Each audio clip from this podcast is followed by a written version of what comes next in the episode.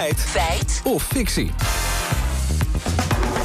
En dat gaat over een verband tussen sociale media en mentale gezondheid. Ja, want Mark Zuckerberg, de oprichter en CEO van Meta, zei gisteren bij een hoorzitting in de Amerikaanse Senaat dit. The existing body of scientific work has not shown a causal link between using social media and young people having worse mental health outcomes. Oké, Mark Zuckerberg zegt er is geen bewijs voor een kausaal verband tussen het gebruik van sociale media en ja, wat je vaak hoort, hè, natuurlijk, de mentale gezondheid van jongeren. Ja, klopt. Dat zijn we uit gaan zoeken. Thijs Launsbach is psycholoog en hij legt ons eerst uit hoe precies het op woorden aankomt en hoe slim hij ze kiest. Waar er ehm, inderdaad heel moeilijk bewijs kan worden gevonden voor een kausaal verband, is er wel heel erg veel bewijs dat een correlationeel verband aantoont. dat, dat, een, een, dat een verband tussen verschillende fenomenen aantoont. Tussen social media gebruik en depressie, angst, uh, ontevredenheid, eetstoornissen uh, en al dat soort dingen. Dus dat vergeet er even bij te zeggen. Uh, maar dat is ook wel zo.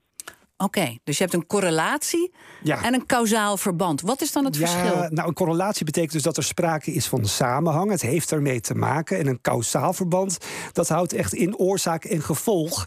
En uh, Launsbach legt uit hoe je een kausaal verband aantoont. Dan moet je onderzoek doen waarbij je groepen met elkaar vergelijkt, die vergelijkbaar zijn. Waarbij je één ding verandert tussen die groepen en de rest allemaal hetzelfde houdt.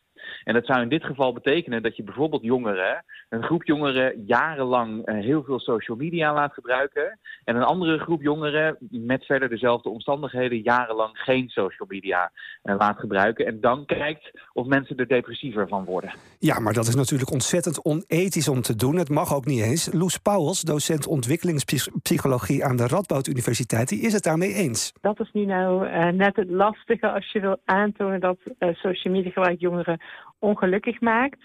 Want dan uh, zou je bijvoorbeeld uh, vaak of lang social media moeten laten gebruiken. Of op een bepaalde manier waarvan jij vermoedt dat dat ja, uh, negatieve effecten teweeg brengt. En dat is ethisch gezien niet zo verantwoord. En dus vandaar dat het ook lastig is om dat helemaal zo te onderzoeken. Maar Launsbach legt wel uit hoe je een correlatie aan kunt tonen. Wat wel mag, is dat je grote groepen mensen met elkaar vergelijkt en een tijdje door de tijd heen volgt. En dan zie je dus bijvoorbeeld, nou, die jongeren die en heel vroeg beginnen met social media en voornamelijk de meiden in die groep, die er ook nog eens heel veel um, gebruik van maken, die hebben, zien we in de data, vaker depressie, vaker angst, vaker eetstoornissen dan kan dat betekenen dat, dat social media gebruik daartoe leidt. Hè, dat dat het gevolg is daarvan.